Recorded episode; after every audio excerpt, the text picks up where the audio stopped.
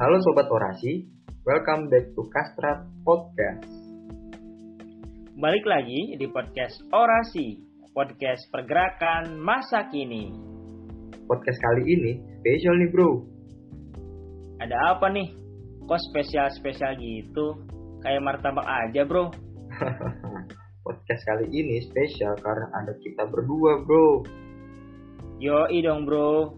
BTW masih suasana lebaran nih. Oh iya, minal aizin wal faizin, mohon maaf lahir dan batin untuk teman-teman pendengar podcast orasi di mana pun kalian berada. Betul sekali. Mohon maaf lahir dan batin ya sobat orasi. BTW BTW kita belum kenalan nih. Kalau kata pepatah, tak kenal maka tak aruf. Ya nggak bro? Bisa aja sih bapak. Yuk kenalin, nama gue Jakwan dari Kastrat Benzema dan ini teman gue. Halo people around the world. Nama gue Rifaldi, biasa dipanggil sayang. Eh, canda-canda. Nah, people-people bisa panggil gue Rival. Siap, siap Rival. Gimana nih kabarnya sobat orasi? Semoga baik-baik aja ya. Dan tetap semangat walaupun gak bisa mudik tahun ini. Amin.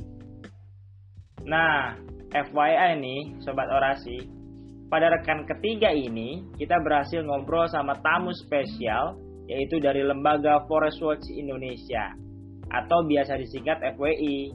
Lu tahu nggak Zak FWI itu lembaga apa? Tahu dong. FWI itu adalah lembaga yang fokus terhadap pemantauan dan pengelolaan data informasi terkait kondisi hutan di Indonesia. Bener banget, Zak. Nah, di rekan ketiga ini kita mengambil topik yang keren banget, yaitu mengenai hutan dalam pusaran konflik agraria, bagaimana dampaknya.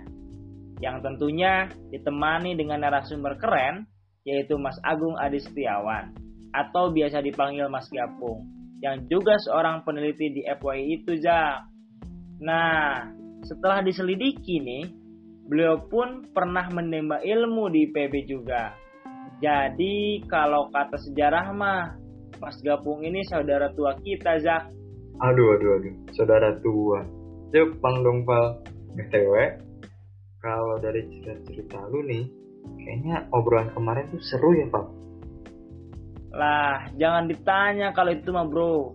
Kalau nggak seru, jangan mampir ke podcast orasi ini. Lah benar juga lu Val. Nah gue tertarik nih Val sama topiknya. Kok hutan bisa ya jadi pesan kita gitu? Bukannya hutan harusnya menguntungkan kita ya? Pertanyaan menarik nih. Gini Zak, kalau gue boleh buat ilustrasinya, hutan tuh kayak bansos covid kemarin. Itu bansos kan manfaat, bahkan dibutuhin oleh masyarakat. Tapi gara-gara oknum manusia yang gak amanah tuh, bansos jadi masalah dan berada di pusaran korupsi. Waduh, benar-benar. Berarti sesuatu yang manfaat bisa jadi nggak manfaat ya kalau di tangan penjahat. 100 buat lu Jak. Terus ngomongin apa lagi sih Val kemarin? Kan lu juga ada Bambang. Ngapain nanya gue? Ah, bukan gitu Pak. Kan kita rencananya mau share obrolan kemarin nih. Lu mah ngapain gini sih? Oh iya, lupa-lupa sorry. Nah, jadi gini Sobat Orasi. Kita tuh kemarin dikasih pengantar terkait pembagian kekuasaan daratan yang ada di Indonesia. Ternyata kekuasaan daratan di Indonesia itu dibagi menjadi dua. Yang satu ada kawasan hutan, itu tuh dikuasai oleh Kementerian LHK.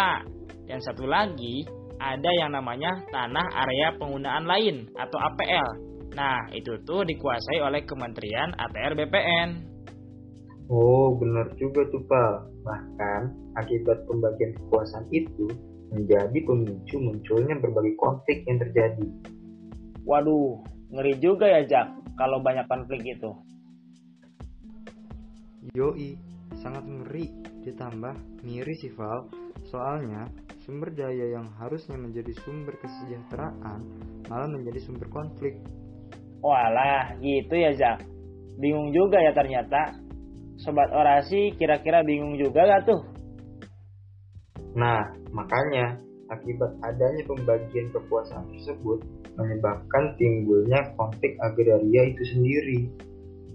Waduh, makin bener aja nih hutan Indonesia dalam pusaran konflik. BTW, kemarin kalau nggak salah dibahas juga tuh tentang HGU ya Jak. Nah, itu gimana sih ceritanya? Kok bisa ikut-ikutan masalah ini? Betulan banget tuh nanya Pak. Ngomong-ngomong masalah HGU atau hak guna usaha, itu juga ada kaitannya dengan konflik agraria. Jadi, masalahnya di Indonesia, data tentang HGU itu masih tertutup dan belum pernah dibuka ke publik oleh Kementerian ATR BPN. Lah, kenapa Zak? Kok belum dibuka? Terus urusannya sama Kementerian ATR BPN apa? Nih, gue jelasin satu-satu. Jadi gini, menurut analisis logika nih, kalau rumah lu beres dan bersih, kira-kira lu malu nggak kalau lu ngundang teman-teman atau keluarga lu ke rumah? Ya enggak lah. Nah, kalau rumah lu kotor dan berantakan, gimana? Lu malu nggak kalau rumah lu dijadiin tempat nongkrong atau tempat main teman-teman lu? Ya malu lah. Gak enak juga. Lagian kalau kotor atau berantakan ngundang orang ke rumah. Nah, itu dia jawabannya. Udah bisa disimpulin tuh, Pak. Kenapa itu data HGU juga belum dibuka-buka? Padahal putusan lembaga peradilan tertinggi di negeri ini yaitu MA udah buat putusan bahwa data HGU itu termasuk informasi publik yang artinya bisa diketahui oleh masyarakat. Tapi belum terlihat tuh hilal si data HGU. Terus nih, masalah kenapa ada kaitannya sama Kementerian ATR BPN?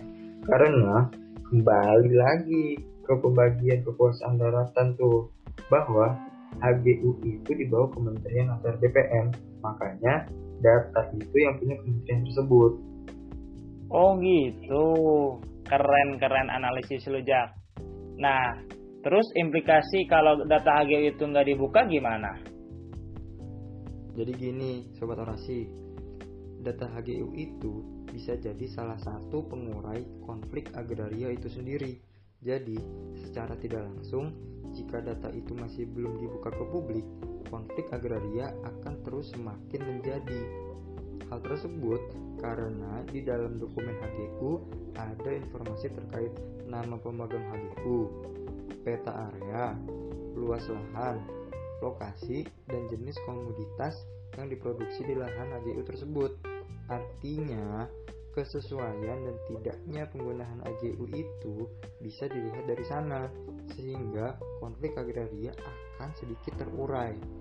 Selain itu, pemberian HGU kan nggak sembarangan dan biasanya harus memenuhi persyaratan dan biasanya dicabut kalau sudah tidak memenuhi syarat-syaratnya. Nah, lu tahu nggak Val, HGU itu berakhir ketika apa aja? Tahu dong Zak. Kalau nggak salah ada enam tuh. Pertama, HGU sudah berakhir jangka waktunya. Kedua, dihentikan sebelum jangka waktunya karena tidak terpenuhi pelaksanaan hak dan kewajiban pemegang HGU. Ketiga, dilepaskan oleh pemegang haknya sebelum waktunya berakhir. Keempat, dicabut untuk kepentingan umum. Kelima, ditelantarkan. Dan yang terakhir tuh, yang keenam, itu tanahnya mustah. Gitu. Nah, bener nggak Zak itu? Nah bener banget tuh Val, seribu buat lu. Waduh, makasih makasih. Jadi banyak poin dah gua. Nah, Zak, setahu gua juga nih, nanti tuh biasanya kalau perusahaan mau dapat izin usaha perkebunan atau IUP, kan salah satunya harus punya lahan tuh. Terus kalau udah gitu, perusahaan kan wajib ngurus HGU-nya juga ya. Nah, biasanya nih hal tersebut juga berpotensi untuk menimbulkan konflik agraria. Soalnya kan di tanah yang mau digunakan oleh perusahaan tuh biasanya ada pemukiman, perkebunan, pertanian yang itu tuh milik masyarakat.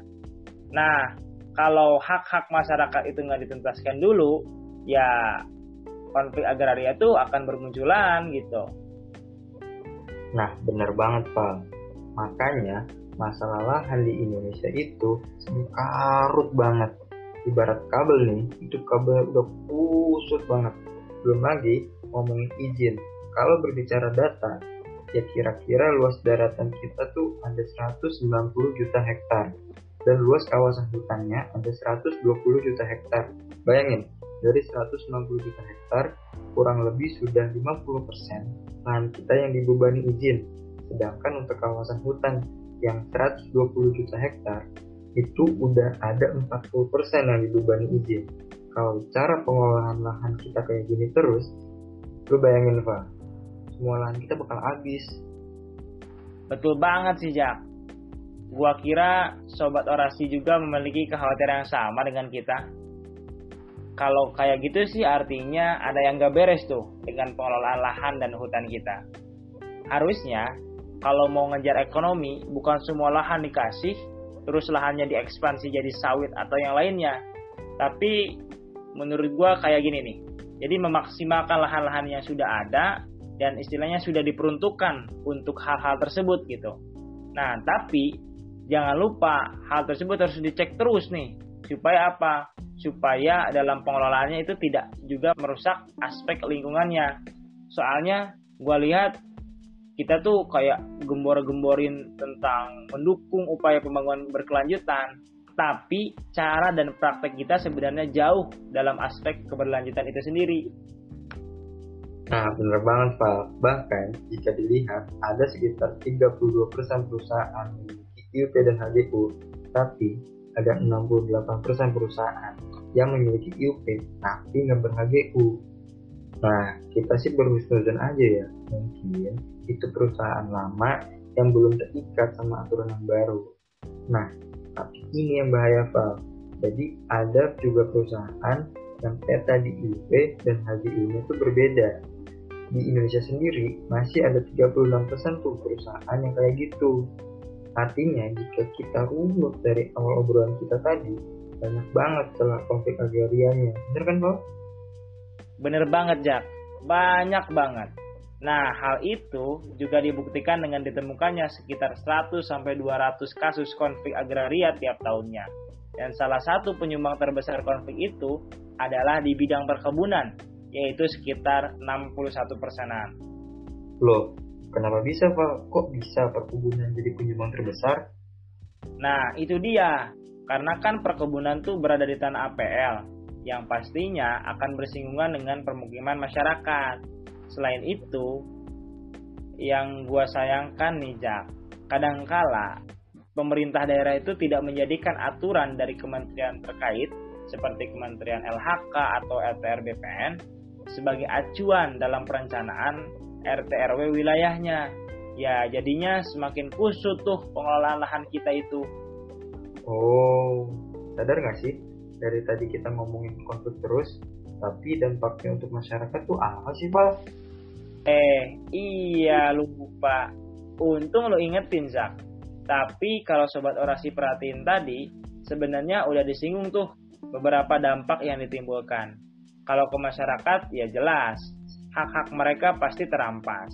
Dan bisa saja, nafkah keluarga mereka pun terganggu akibat adanya konflik agraria yang terjadi ini. Terus, gak hanya ke masyarakatnya aja tuh, tapi juga ke lingkungan yang tentunya akan rusak dan hal tersebut akan berbahaya bagi kehidupan kita manusia. Gitu sih Jak yang gua tangkap dampaknya. Oh iya, itu benar banget sih Pak tapi hmm, gue sedih Val lah sedih kenapa? Karena ruwet tata kelola agraria Indonesia. Bukan. Itu udah pasti. Tapi gue sedih karena kita kita harus sudahan eh. Iya iya juga ya. Ibaratnya lu lagi sayang-sayangnya terus diputusin. Nih aduh aduh aduh. Bapak bapak bisa aja nih. Tapi nggak apa-apa. Nanti kita masih punya podcast podcast berikutnya. Ah betul banget ya nah semoga podcast kali ini itu bermanfaat dan bisa menambah ilmu baru ya sobat orasi. So sampai jumpa kembali di podcast berikutnya. Podcast orasi podcast pergerakan masa kini. See you guys, see you guys.